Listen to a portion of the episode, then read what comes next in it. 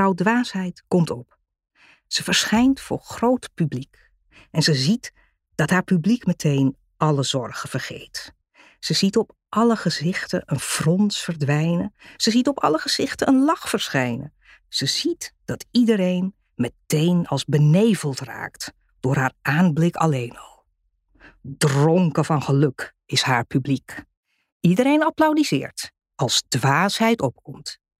Dan stelt ze zichzelf voor en ze zegt: Ta, wat ze ook over mij mogen zeggen. Ik ben het.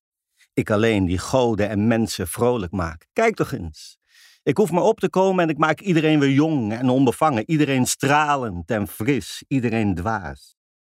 En nu vraag ik jullie, hè, mijn mannen van dwaasheid, mijn vereerders, mijn ingewijden, om mij een moment jullie oor te lenen. En niet jullie halve oor, waarmee jullie je priesters aanhoren. Ene oor in, andere oor uit, maar allebei jullie oren. Oren.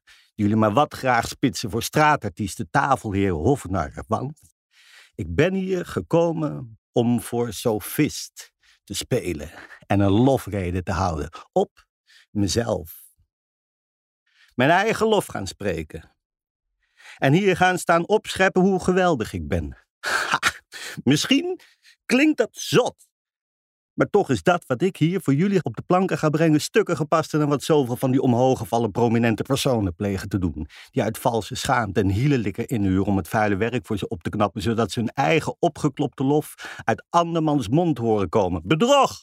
Je reinste bedrog. En wat ik met mijn optreden doe, is juist zo waarachtig als maar kan.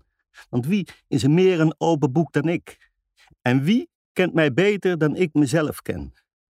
Of is er iemand die zou durven beweren dat hij bekender is met dwaasheid dan vrouw dwaasheid zelf?